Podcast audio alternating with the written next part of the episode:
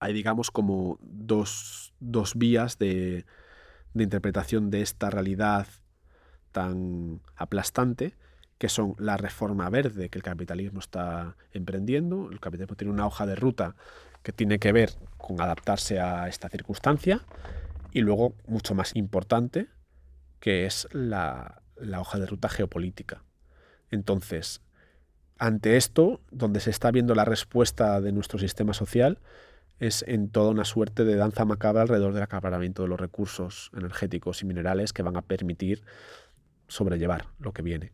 Así que no es que no se está haciendo nada, se está haciendo, pero se está haciendo con una lógica de competición y una lógica de continuidad a cualquier precio del, orden social, mezclado también con reformas relacionadas con una cierta racionalización ecológica sorprendente, pero una ciudad como París va a prohibir los vehículos de gasolina y de diésel en menos de 10 años.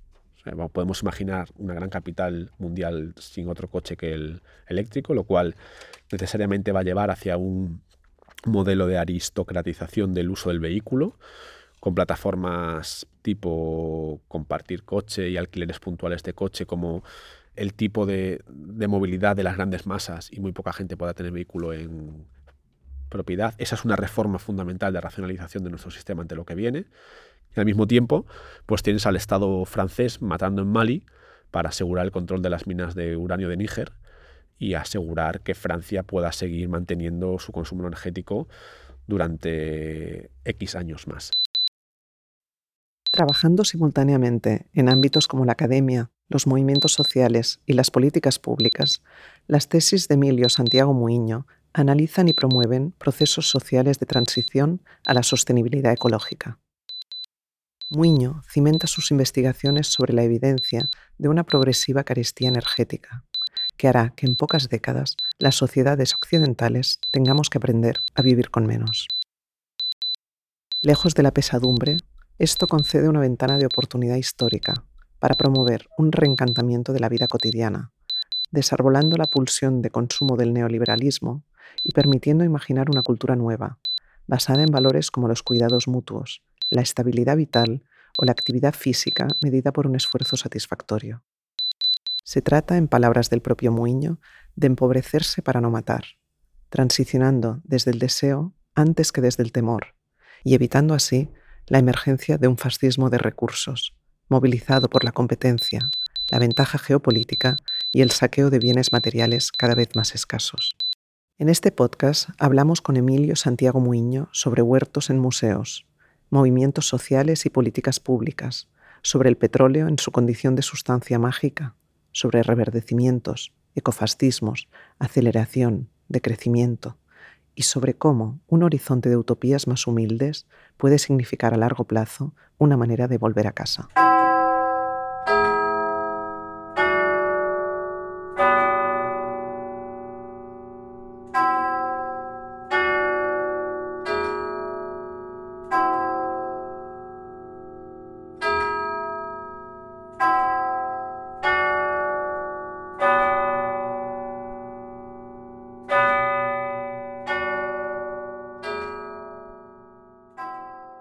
Hacer un huerto en un museo. Yo me crié en un discurso relativamente anti-artístico, que viene pues de Debord, de la IS, de, toda esta gente, que entendían que el arte pues, era una construcción histórica obsoleta, porque el desarrollo de las fuerzas productivas estaba posibilitando un escenario de juego social distinto, un escenario de juego social donde todo lo que había sido culturalmente codificado bajo los términos que podríamos llamar arte, pues podía dar lugar a, otro tipo de cosas, ¿no? la construcción de situaciones, etc. Un poco bajo ese prisma mitológico, entramos en contacto con el K2M en un contexto en el que empezábamos a comprender que no solo el discurso teórico de la IS, sino quizás de todo el marxismo y yendo más allá de toda la modernidad, había entrado en una suerte de, de momento de dislocación, porque la crisis socioecológica socavaba las bases de ese progresismo técnico. ¿no? En ese contexto, pues nos ponemos a trabajar haciendo un huerto la azotea de un museo, que es una cosa relativamente significativa. ¿no? Y allí nos damos cuenta pues, de varias cosas. ¿no? Por un lado, de cómo ha mutado el papel social de los museos, cómo se ha convertido en, en, algo seguramente más interesante de lo que uno podría pensar desde sus prejuicios. Y es un espacio donde, bajo el amparo de cierta práctica experimental, se cuelan cosas que a lo mejor no se cuelan en otros espacios sociales. ¿no? De ahí surge también toda una reflexión sobre la necesidad de problematizar esos marcos teóricos sobre la superación del arte previos, ir hacia un, bueno, un enfoque quizás más humilde en todos los terrenos, ¿no? donde a lo mejor tenemos que aceptar pues que los viejos códigos culturales de la representación artística nos van a acompañar siempre que por tanto no hay que tener esa especie de, de visión teleológica de que estamos ¿no? pues manejando cosas de la prehistoria de la humanidad, que diría más, y pues rebajar todo eso hacia prácticas que nos permitan lo que para mí es la gran tarea política del siglo XXI, que es construir una idea de felicidad que nos permita vivir bien con menos. Otras formas de entrar en un museo. Yo creo que lo primero que hay que, darse cuenta es que un museo de arte contemporáneo en Móstoles es un ovni. Un ovni que cae ahí y que es absolutamente ajeno al entorno que lo rodea, ¿no? Y en el que además se produce como un abismo valorativo, cognitivo, de, de todo tipo entre, entre códigos culturales como muy distintos. Claro, el huerto pues es como una especie de puerta de entrada un poco tangencial y un poco rara a un museo de arte, de arte contemporáneo. Y al cual además se acerca gente que de otra manera no entraría nunca en, en el museo. Los talleres de educación popular surgen en el huerto con esta idea que para nosotros también era como, ¿qué hacemos aquí en un museo haciendo estas cosas? o sea, yo creo que nadie entendía muy bien qué estaba pasando, ni, ni la gente que nos lo propuso, ni nosotros mismos, ¿no? Esto empezó en el 2013, o sea que son casi cinco años de experiencia con el huerto en la terraza del K2M, que además luego ha ido mutando y dando lugar a otros proyectos y otras ramificaciones, como el Amacódromo Popular, en el que estamos insertos ahora, que es también una de esas cosas sorprendentes que a uno se le plantea, ¿no? que al final pues, va a ser que los museos son espacios más fértiles de lo que cabía imaginar. Lo único que también yo creo que este proceso hay que reconocer como ciertos límites. A pesar de nuestros intentos, en ningún momento el proceso de educación popular logró socializarse del todo. ¿no? Siempre ha sido como muy condicionado a la figura de aquellos que dinamizaban esos talleres. Eso por un lado. Luego es cierto que, a nivel, si quieres leerlo desde un perfil como más, como más técnico, no sé si más técnico, ¿no? pero a nivel del cultivo del propio huerto, pues tampoco es que los resultados sean loables, es más bien algo simbólico o una excusa para generar interrelaciones personales. ¿no? Y sin embargo, sí que detectamos pues, ese sustrato que para mí es enormemente esperanzador de sentido común anticapitalista en gente que luego seguramente pueda ser incluso políticamente de derechas. Notamos también esa necesidad o esa, ese anhelo social de algún tipo de relación con el ecosistema distinto y que puede modular también una idea de felicidad distinta, que tiene que ver con el trabajo de la tierra, que tiene que ver con la cuestión de la biodiversidad, que tiene que ver con la recuperación de una relación con el cuerpo también pues mediada por un esfuerzo satisfactorio y luego pues también ha sido como una lección del, del juego que se puede tener con las instituciones en general. ¿no?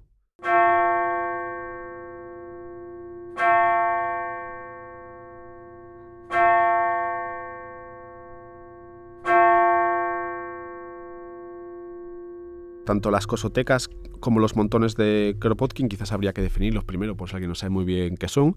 Las cosotecas son bibliotecas de cosas, es, la idea es muy básica, ¿no? Y nos vino de un dato estadístico que es un poco tonto, pero de estos que a veces te ilumina y dices tú, joder. En Estados Unidos hay como, no me acuerdo exactamente la cifra, pero debe ser como unos 50 millones de taladros. Los taladros tienen una vida media total de uso durante toda su vida de unos 13 minutos. No tiene ningún sentido tener 50 millones de taladros para usarlos cada uno durante 13 minutos, cuando igual con un millón de taladros en unas cosotecas públicas podías tener ese mismo uso y haces una reducción salvaje de los consumos materiales y de las implicaciones de huella ecológica, etc. A partir de ahí, eh, y como parte de un proyecto más amplio de, de llevar la idea de transición a un plano político práctico que estuvimos trabajando antes de la candidatura del 2015 y que de algún modo influyó en el programa de Ganar Móstoles, planteamos la posibilidad de generar una red pública de cosotecas que podían incluir pues eso, desde herramientas a cuestiones como objetos de uso sanitario, no sé, una silla de ruedas, unas muletas, maquinaria de diverso tipo. ha habido el proyecto de iniciarlo desde la autogestión en nuestro propio local. Nosotros como colectivo tenemos un local autogestionado que es un Ateneo que sirve para diversas, diversas prácticas, con resultados, bueno, más o menos interesantes, pero es el problema que tienen siempre los movimientos, los movimientos sociales. Interesantes en lo cualitativo, pero cuantitativamente muy, muy pobres en su alcance, porque al final hay un tema de fondo que tiene que ver con la profesionalización y con la incapacidad de que los proyectos de autogestión hechos en tu tiempo libre en una sociedad que te obliga a sobrevivir de esta manera cuajen. Y eso pues ha tenido un recorrido corto. Pero eso, de algún modo, se ha incorporado a las políticas públicas, todavía no existen como tal, pero sí que están contempladas en el diseño de Ciudad General, Móstoles en Transición, que estamos elaborando desde las instituciones y esperamos que algún día nazcan estas cosotecas y podamos ir construyendo una serie de nuevos bienes comunes que vayan enfocados hacia la optimización de la riqueza material que ya está generada. Y para eso, evidentemente, tenemos que, manejar nuestra riqueza producida de otra manera. Y en cuanto a los montones de Kropotkin, la idea de esto pues, es un poco el generar depósitos de riqueza material, otra vez la misma lógica, en los cuales la gente pues, pueda dejar lo que quiera y coger lo que necesite dentro de los múltiples objetos cotidianos que tienen que todavía pueden seguir prestando una vida útil pero que ya no deseamos. Entonces estamos estudiando cómo convertir esta idea, que también surge un poco pues, de un juego utópico, ¿no? De cómo imaginar una transición ecosocial con un componente de socialización de la riqueza fuerte a una política pública que sea aplicable a una ciudad de 200.000 personas, como es Móstoles. Y cuesta mucho porque aquí no solo es una cuestión de voluntad política y de la fuerza política que, tengas, que no la tenemos toda, sino también de un marco legislativo que, es un laberinto complicado de recorrer de los movimientos sociales a las políticas públicas. Es francamente difícil por muchas cosas. Por muchas cosas. En primer lugar, porque eh, tienes que dar un paso de una lógica de impugnación a una lógica de negociación que no siempre es fácil, ni a nivel casi estético, ni ético de ningún tipo. ¿no? O sea, tú desde los movimientos sociales estás acostumbrado al conflicto, a negar, a rechazar y a entender que hay muchas líneas rojas de tipo moral que nunca vas a cruzar. Sin embargo, cuando entras en el juego institucional, necesariamente y no puede ser de otra manera, para conseguir algo hay que pagar un precio. Y más en un contexto pues, de fuerzas políticas en minoría, gobiernos de coalición, con gente que no es como tú. Entonces, pues el, primer choque es, ya no vale ser el más radical que impugna, sino que tienes que negociar. Y negociar implica ceder. Y ceder en cosas que tú no estarías dispuesto en condiciones ideales a ceder. Hay una segunda lógica que tiene que ver también con la, con la enorme complejidad de una tarea para la que además pues nadie estaba muy bien preparado, ¿no? No sé, de repente llegas a la concejalía y te hablan del capítulo 4, capítulo 6 del presupuesto y dices, bueno, igual debería haber hecho, no sé, una sesión express de, de administración pública porque te andas un poco, un poco perdido.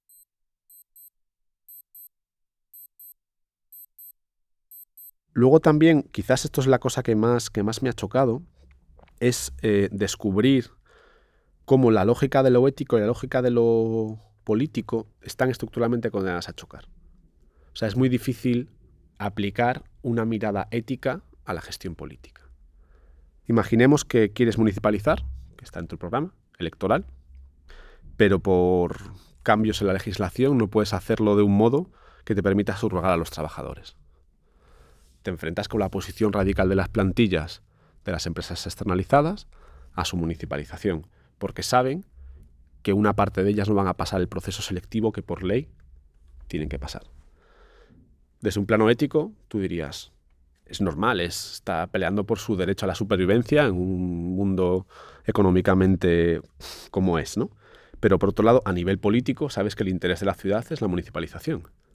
Entonces, de repente hay un choque entre tu empatía personal a nivel ético y la comprensión del derecho que esa persona pueda tener a reclamar la continuidad de su puesto de trabajo y algo como pues una municipalización implica no solo unos ahorros sustanciales en el coste que puedes dedicar a otras políticas públicas, sino también una gestión directa que en el caso además de Móstoles, que es eh, la zona cero de la trama púnica y la trama lezo, pues digamos que es interesante porque te quitas muchas dinámicas perversas.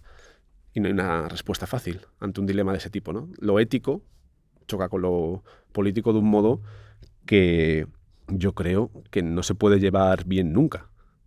O se puede llevar bien solo a costa de volverte un poco psicópata. O sea que necesariamente me parece que, que un trabajo institucional de, de este tipo, por sus propias lógicas, tiene que ser temporal, tiene que ser corto. Luego hay otra cuestión que tiene que ver con, con las dificultades estructurales que se dan de comunicación y de complicidad con tus bases. Y tú vienes de ese mundo, ¿no? Pero evidentemente ni manejáis el mismo volumen de información, ni se va a poder manejar nunca por muchas asambleas que quieras hacer para bajar la información, ni se maneja el mismo nivel de responsabilidad, porque si se comete un error, pues lo cometemos los que estamos en la gestión, o lo comete la gente de las bases, ni se maneja el mismo horizonte de estímulos, en tanto que hay una profesionalización por el medio, ni los mismos ritmos, entonces se generan una serie de desacuerdos comunicativos que no hay manera de solucionar y que también son muy duros porque pues uno tiene sus, sus anclajes identitarios y cuando le viene una crítica de la gente más cercana, pues duele especialmente y ese tipo de cosas se producen constantemente. Y luego hay mm, mucho desencanto que tiene que ver con la fricción de instituciones anquilosadas, con una capacidad de reproducir lógicas perversas tremenda, con un entramado de intereses creados que además han sido creados con, esmero durante 20 o 25 años de gobiernos del enemigo y que tú no puedes desmontar en dos días y por tanto con una enorme fricción permanente. ¿no? hacer cualquier cosa supone unos desgastes inmensos. Y a pesar de todo, eso, que es como muy descorazonador, no diría, oh, vete ya, ¿no? ¿Qué estás haciendo ahí? Eres un masoca. A pesar de todo, te das cuenta de la importancia de estar y de las pequeñas cosas que puedas conseguir. Menos épico, más efectivo. Repoblar los desiertos demográficos de este país con una suerte de política agroecológica nacional que nos lleve a consumir alimentos como tenemos que consumirlos y a producirlos como tenemos que producirlos en este siglo. ¿Qué es más fácil imaginar una suerte de éxodo autogestionado de los movimientos sociales o una política pública que seguramente se podría incluso realizar bajo el marco de un gobierno socialdemócrata muy light.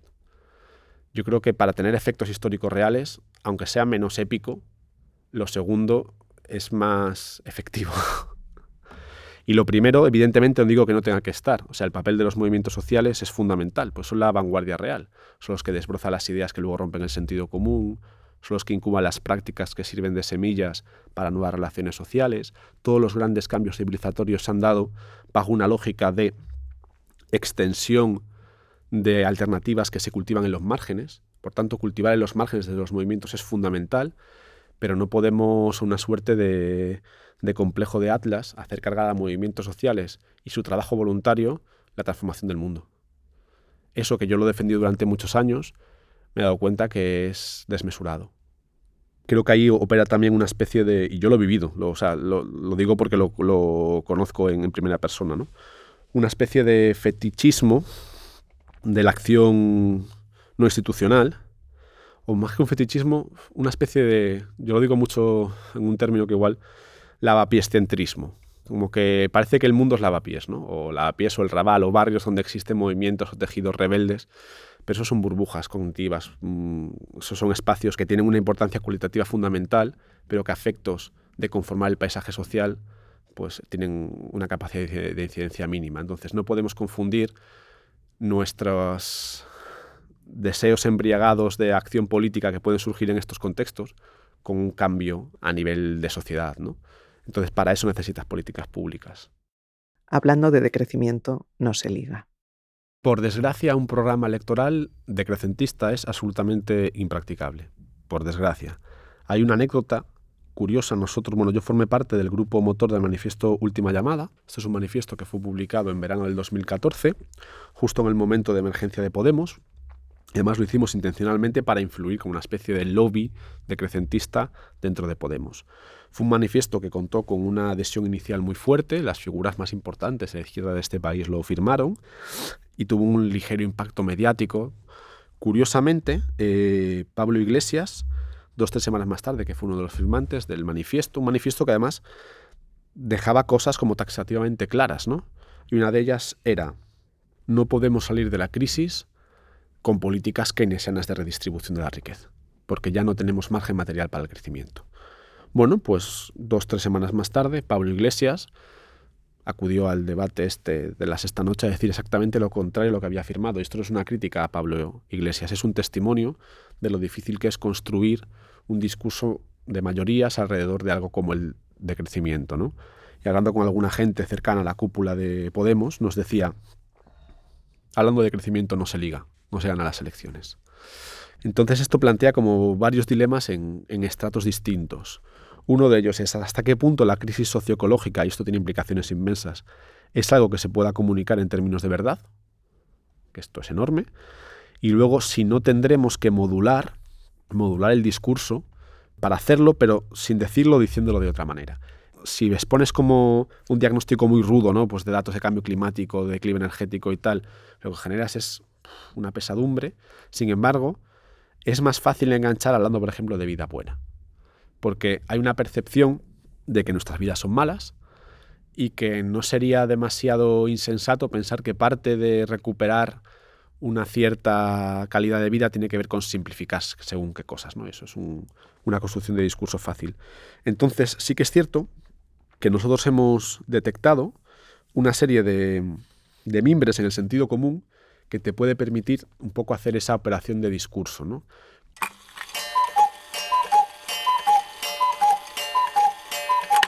Estas ideas fuerzas serían, por un lado, cuestiones que tienen que ver con, con el tema de la salud.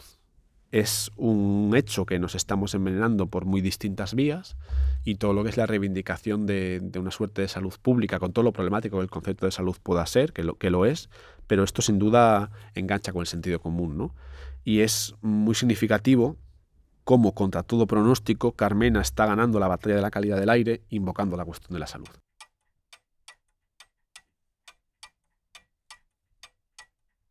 No vamos a negar, aunque hay que problematizarlo, que parte de la transición e-, ecosocial tiene que ver con un cambio técnico. Entonces, en tanto que estas cuestiones pues huelen a tecnología, huelen a Europa, huelen a ciudades que las imaginamos como el, la meta ideal hacia la que desarrollamos como sociedad, también ahí tienes una idea fuerza con la que jugar.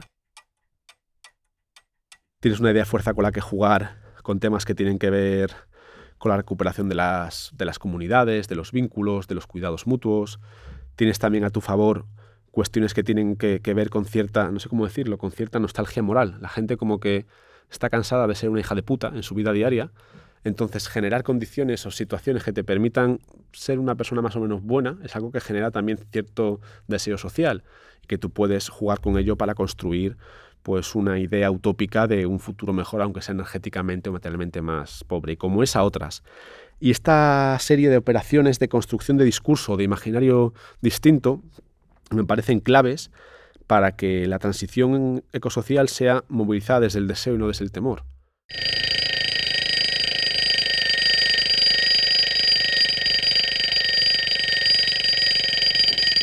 Empobrecerse o matar. Me parece que ahí nos lo jugamos todos, es decir, nos lo jugamos todo en ser capaces cuando este país tenga un problema con el gas, y lo va a tener, porque el 50% de nuestro gas viene de Argelia, y Argelia es un país que en el 2014 alcanzó una suerte de techo productivo en su extracción de gas, que el discurso neoliberal te lo vende como falta de inversiones, pero no se trata de faltas de inversiones, se trata de geología cuando los argelinos consuman todo su gas para ellos, nosotros estaremos ante la tesitura de decir o nos empobrecemos energéticamente o invadimos Argelia.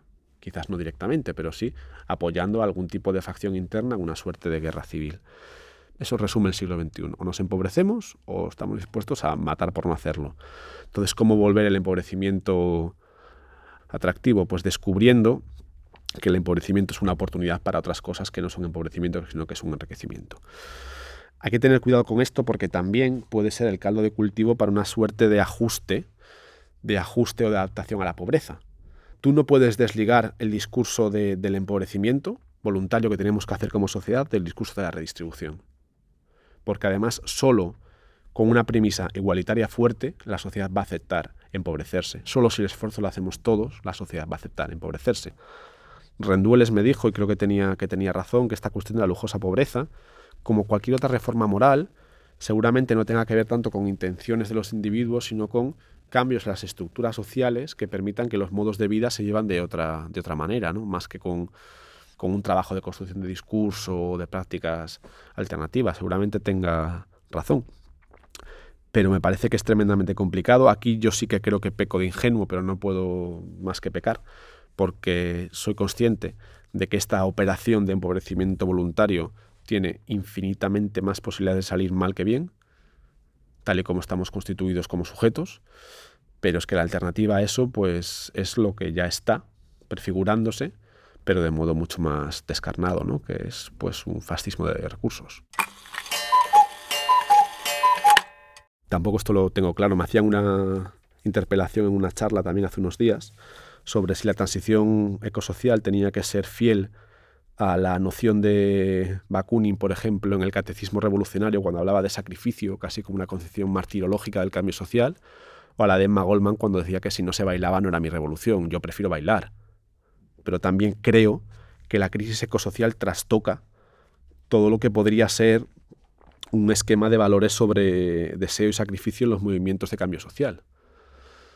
Me parece que el discurso del deseo, que podía ser muy progresista de los años 30 a los años 60, hoy es profundamente cómplice con las lógicas neoliberales. Un mercado pletórico como es el nuestro necesita subjetividades también pletóricas.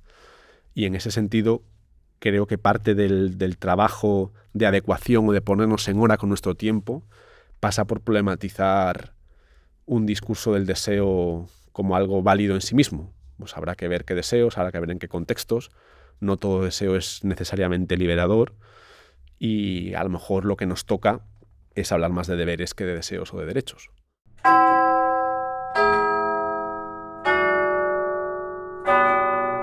Entender el caso cubano como un observatorio desde el que enfrentar el equilibrio energético del siglo XXI, como ha entendido una buena parte del ecologismo internacional, es enormemente problemático porque en esencia es un ejemplo fallido. El ecologismo internacional construyó un relato romántico de una adaptación que si bien es cierto que comparativamente a otros lugares fue un éxito, y podemos pensar Corea del Norte que enfrentó una situación parecida y el resultado fue una hambruna terrible, en Cuba eso no se dio, y tampoco se dieron otras cuestiones como pues no sé la caída del régimen, la aparición de un fenómeno de violencia mafiosa, otras circunstancias de descomposición social extrema.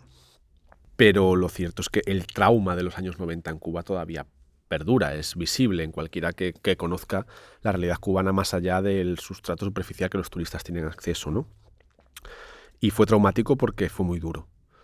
Es un mal ejemplo, es un ejemplo realista, porque ahí sí que podemos ver cuáles son los efectos dramáticos de la dependencia energética de nuestra sociedad respecto al petróleo y qué sucede si no está el petróleo.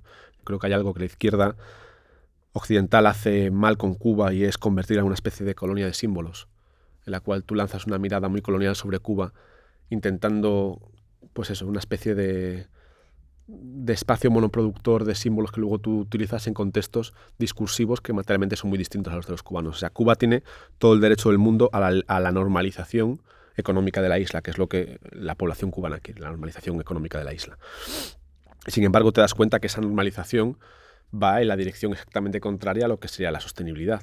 Pero eso te da pistas de lo difícil que va a ser trabajar con todo este tema de, la construcción social del deseo y de lo duro que puede ser, especialmente para nosotros, pero quizás más para poblaciones periféricas que no han pasado por el empacho de la sociedad de consumo y que por tanto tienen toda la reivindicación legítima de no me digas que está mal hasta que yo me empache.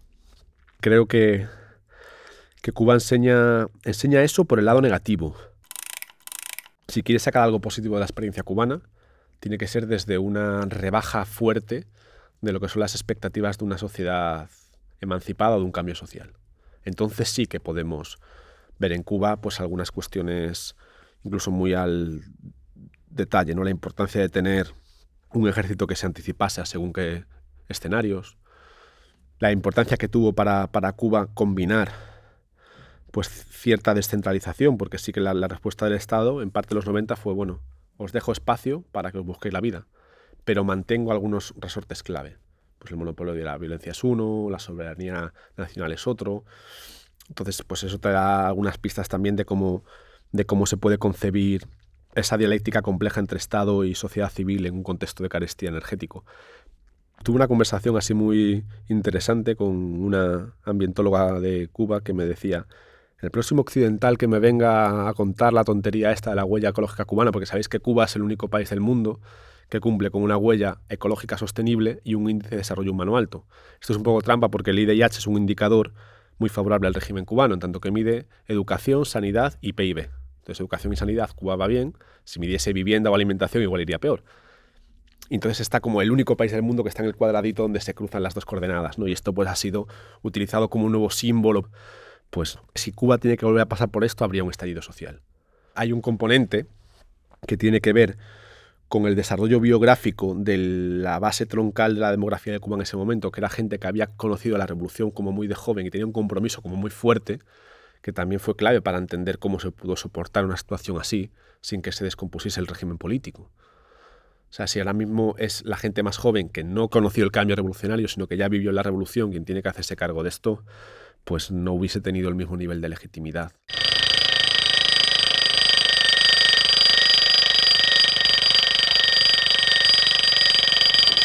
ecofascismos. Nos suena raro, pero yo creo que es porque estamos educados un poco a la sombra de mayo del 68 y de entender que lo eco ha sido de izquierdas, pero originalmente no ha sido así. Hay una especie de, de raigambre ecológica en el fascismo clásico que tiene que ver con la conexión del suelo, tierra, paisaje, ¿no?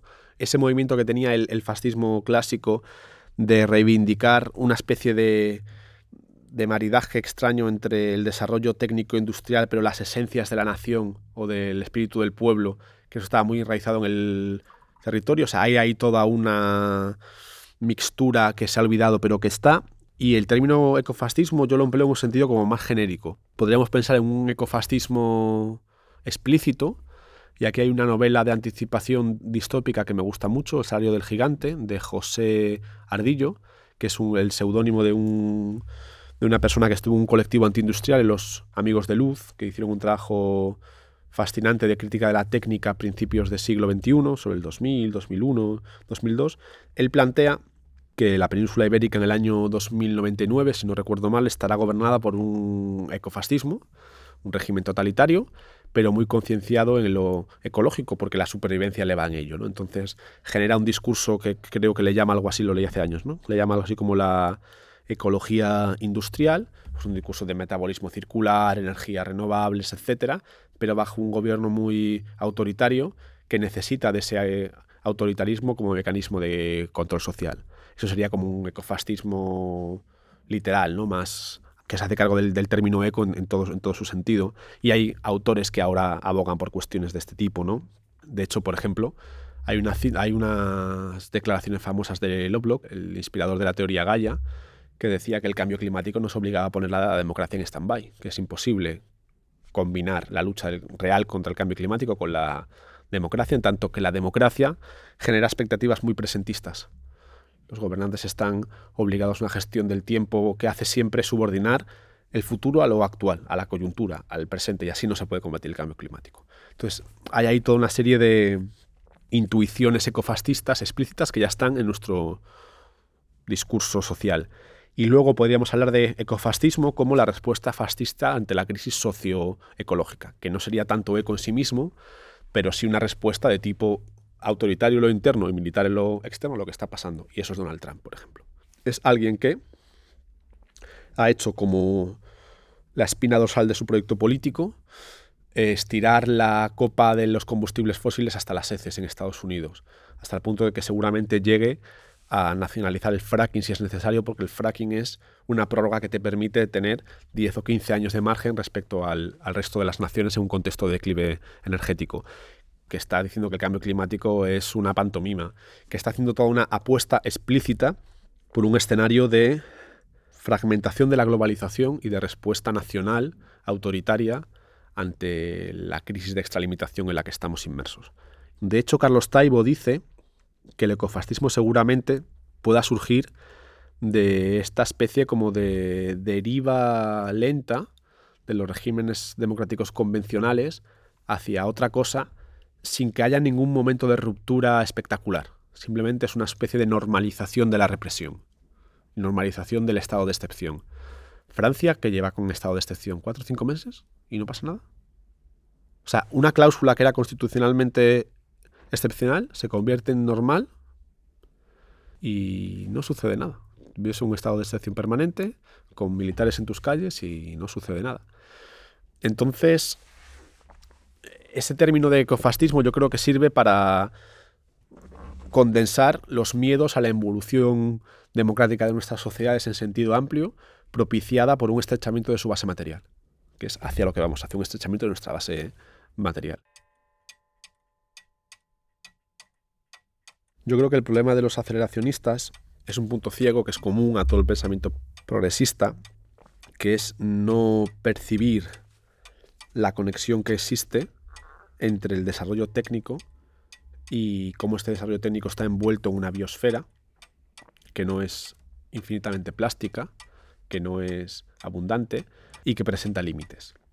Y siguen conservando un poco pues esa suerte de sentido de la historia que estaría en el fragmento de las máquinas de más de los Grundrisse cuando afirmaba que tenemos como contenido una especie de, de enorme promesa de desarrollo que el capitalismo como un sistema obsoleto estaría como construyendo. Esto no es cierto y ahora mismo el gran reto es exactamente el contrario. Es decir, el capitalismo nos ha desbordado por el lado de la productividad, hasta volver las fuerzas productivas fuerzas destructivas. Entonces, solo cayendo en, en el lado más oscurantista del mito del progreso puedes pensar que algo como el cambio climático o el declive energético se soluciona con una intervención técnica. Parece que están cayendo en una concepción de la naturaleza pretermodinámica y en una suerte de, no sé si la palabra es muy fuerte, pero analfabetismo ecológico. No tenemos recursos para generalizar ese tipo de soluciones técnicas. En el caso de que se den, que es problemático pensarlo, solo puede darse desde un potente componente imperial y geopolítico. Solo algunas regiones del mundo podrán permitirse desarrollos técnicos de este tipo. Hay otras corrientes parecidas, como el ecomodernismo, por ejemplo, que están planteando lo mismo. Nos están planteando básicamente, el ser humano ha hecho ingeniería de ecosistemas siempre, siempre nos hemos adaptado agresivamente a nuestros medios con el desarrollo técnico y se trata de seguir en esa línea pues, con la geoingeniería o con cualquier otra dinámica tecnológica que es como una especie de doble o nada. ¿no? Desbocado de desarrollo técnico en una economía expansiva nos ha llevado hasta aquí, pues lo solucionamos con más tecnología y con más aceleración. Creo que es exactamente al contrario. Tiene más de ideológico y de mitológico sus discursos de la aceleración técnica que de algo que pueda ser socialmente implementado. Y es enormemente peligroso, porque me parece que son los discursos que van a desviar al pensamiento emancipador de las verdaderas tareas, que son el asumir una utopística mucho más humilde, una utopística mucho más vinculada con algo así como, de algún modo, por decir una metáfora literaria, volver a casa. Hay una tesis de, de que a mí me interesa mucho y es pensar que el neolítico terminó en el siglo XX para la mayor parte de la humanidad. O sea, hasta los años 60 la mayor parte de la humanidad vivió, es una manera un poco simplista de decirlo, ¿no? en condiciones materiales y sociales de vida propias de las aldeas neolíticas en el mundo rural. A lo mejor la emancipación hoy tiene más que ver con preservar una especie de acceso universal a ese neolítico, desvinculándolo de todos los elementos retrógrados que pueda tener, como el patriarcado, por ejemplo, que a imaginarnos algo así como el devenir cibor de la humanidad, el transhumanismo, la mudanza espacial a otro planeta, porque ha, sido, ha sido esa la condición de vida social humana en los últimos 10.000 años, solo en los últimos 60 se ha podido generalizar otra cosa, y eso es fruto de un parpadeo histórico, que es haber tenido acceso a un tesoro energético como el petróleo, que es efímero, que ha permitido pues esta explosión pero que es una explosión de vida necesariamente breve. Hay un estudio interesante de, bueno, hay muchos, ¿no? De hecho hay un proyecto ahora, el proyecto Medeas, que es un proyecto europeo de colaboración de distintos países y modelización de escenarios energéticos, que en España participan en la Universidad de Valladolid, gente de Barcelona, gente de Zaragoza, y están planteando escenarios en los cuales pues una matriz 100% renovable se parecería mucho a, una sociedad necesariamente en estado estacionario, que ya no podría crecer, y a lo mejor con un acceso a energía pues no, superior a lo que podíamos tener en el año 2000 o 2005, como techo histórico de la humanidad, a repartir entre todos. O sea, si queremos que, lugares como el África eh, subsahariana se desarrollen hasta donde puedan hacerlo, pues tenemos que jugar con ese límite, ¿no? Club de Roma versus Chicago Boys. Yo creo que en los años, en los años 70 se dio también otra suerte de conjunción planetaria que evidentemente es muy difícil leer desde la época en la que uno la vive, porque uno siempre vive instantes muy oscuros y solo cuando las cosas pasan se da cuenta de lo que realmente a lo mejor estaba en juego. Pero en los 70 se dio la confluencia de, por un lado, un conocimiento científico certero sobre los límites del crecimiento y, y el destino trágico de la civilización industrial si no había un cambio de rumbo. Eso quedó manifiestamente claro con la publicación del primer informe del Club de Roma sobre límites del crecimiento del 72. Coincidía con un momento en el cual el desarrollo técnico había posibilitado también avances interesantes en el ámbito de la, de la informática que yo creo que pueden tener un papel que jugar importante a la hora de concebir economías socialistas más eficientes, porque las economías socialistas experimentadas desde la Revolución Rusa pues habían mostrado enormes problemas a la hora de planificar por una cuestión de gestión de volúmenes de información sobre todo y otras cosas, ¿no? Pero eso era un elemento central. Entonces teníamos la microelectrónica ahí para poder venir en ayuda de una planificación socialista un poco menos anquilosante.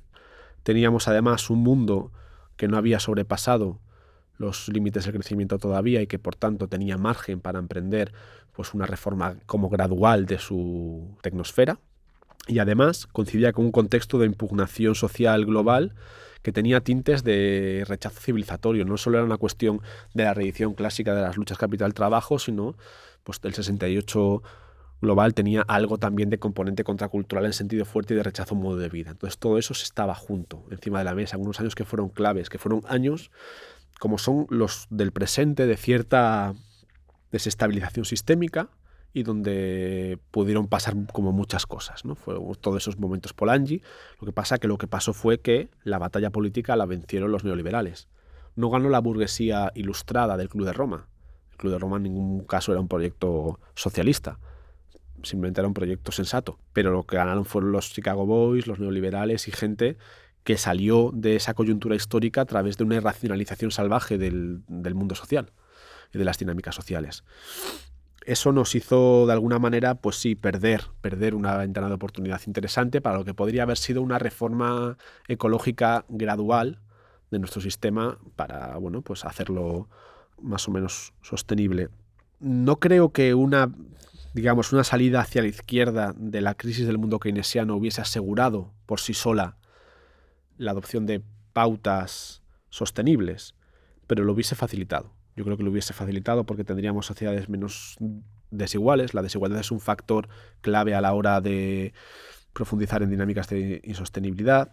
Hubiésemos tenido herramientas reales en manos de los estados para hacer políticas económicas distintas más allá de lo fiscal y de lo monetario, que es lo que les queda ahora después de desmantelarse, y un cierto sentido de época proclive al intervencionismo económico. Son cosas que hubiésemos tenido. Eso en sí mismo no hubiese garantizado una salida ecosocial, pero sí tendríamos condiciones mejores.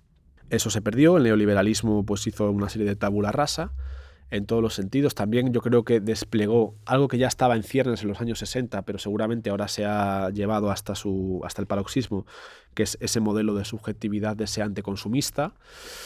Y aparte, pues ha habido un proceso de, aceleración salvaje de todas las dinámicas de consumo de recursos y energía que nos ha situado en una coyuntura material mucho más dura. El petróleo como sustancia mágica.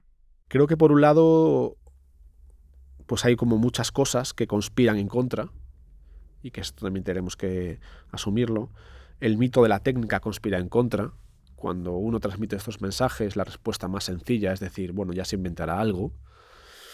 Y es normal en cierto sentido que esto sea así porque estamos rodeados de cosas mágicas, cosas milagrosas. Uno mira un móvil y dice, joder, si tengo esto en mis manos, ¿cómo no van a encontrar una solución a esto? Hay que ser humildes también y entender que la encarnación técnica de la esperanza tiene algo de, algo de normal en una sociedad como esta. Uno se pone luego a estudiar y se da cuenta que las cuentas no cuadran, pero es como, digamos, un recurso mental o ideológico fácil. Eh, al mismo tiempo, pues conspira en contra el hecho de que de que estos son discursos pues, con muy poca presencia pública, conspiran contra el hecho de que la, el entramado conceptual de la economía neoclásica nos, nos prepara mal para pensar estas cosas, porque bueno, pues todo lo mide, lo mide en precios, pero los precios son una, son un indicador que, por ejemplo, para el caso de la energía, subestima siempre su escasez y además tienes una idea de sustitución que es falsa. ¿No? Pensamos, bueno, pues si uno, si los precios suben, eh, el mercado genera los incentivos para que se encuentren recursos alternativos en algún sitio, como si la Tierra fuese plana y fuesen los precios los que dictaminan lo que hay. Los precios nunca van a eh, hacer que un yacimiento tenga más recursos. Eso es imposible. Y luego, por, por otro lado, o sea, el petróleo es una sustancia absolutamente mágica. Es mágica porque tiene un poder calorífico inmenso, porque es líquido a temperatura normal, porque se transporta fácil y, no hay unos sustitutos al petróleo que tú puedas decir, bueno, pues lo cambio por otra cosa y ya está, lo cambio por otra cosa con unas implicaciones materiales inmensas. Y, eso tiene incluso una dimensión como material muy obvia de que nuestras sociedades sostenibles tienen que reequilibrar demográficamente sus relaciones entre ciudad y campo. No podemos tener al 5% de la población alimentando al otro 95%, más que con máquinas devoradoras de petróleo que se nos va a acabar. No sé, esto no significa que tengamos que ir a un modelo preindustrial, pero sí pues sociedades mucho un poco más equilibradas y más sensatas en esa línea. Y ahí me parece que, que no estamos desarmados para pensar en clave de ciencia ficción pues una utopística que de algún modo reconecte esas dos cosas y haga de la relación ciudad-campo algo que no sea una especie de aventura de fin de semana, sino un matrimonio estable. Y hay algo también en nuestra dinámica urbana moderna, pues con todo el desarrollo de los huertos urbanos, que bueno, tiene algo de moda, pero bienvenidas sean algunas modas que apuntan en esa, en esa línea. Que el progresismo de izquierdas haga una pregunta que nunca se hizo, que si hay algo de la vida pasada que merezca la pena conservar. Yo creo que sí. Y decir que sí cambia el esquema radicalmente, ¿no? porque ya no estás pensando en clave de todo esto es la prehistoria de la humanidad y vamos a hacer un salto de algo completamente nuevo. No, piensas en que hay mucho que conservar y, y eso que conservas puede ayudar a reconfigurar un orden social que sea a la vez justo y que esté dentro de los límites de nuestro planeta.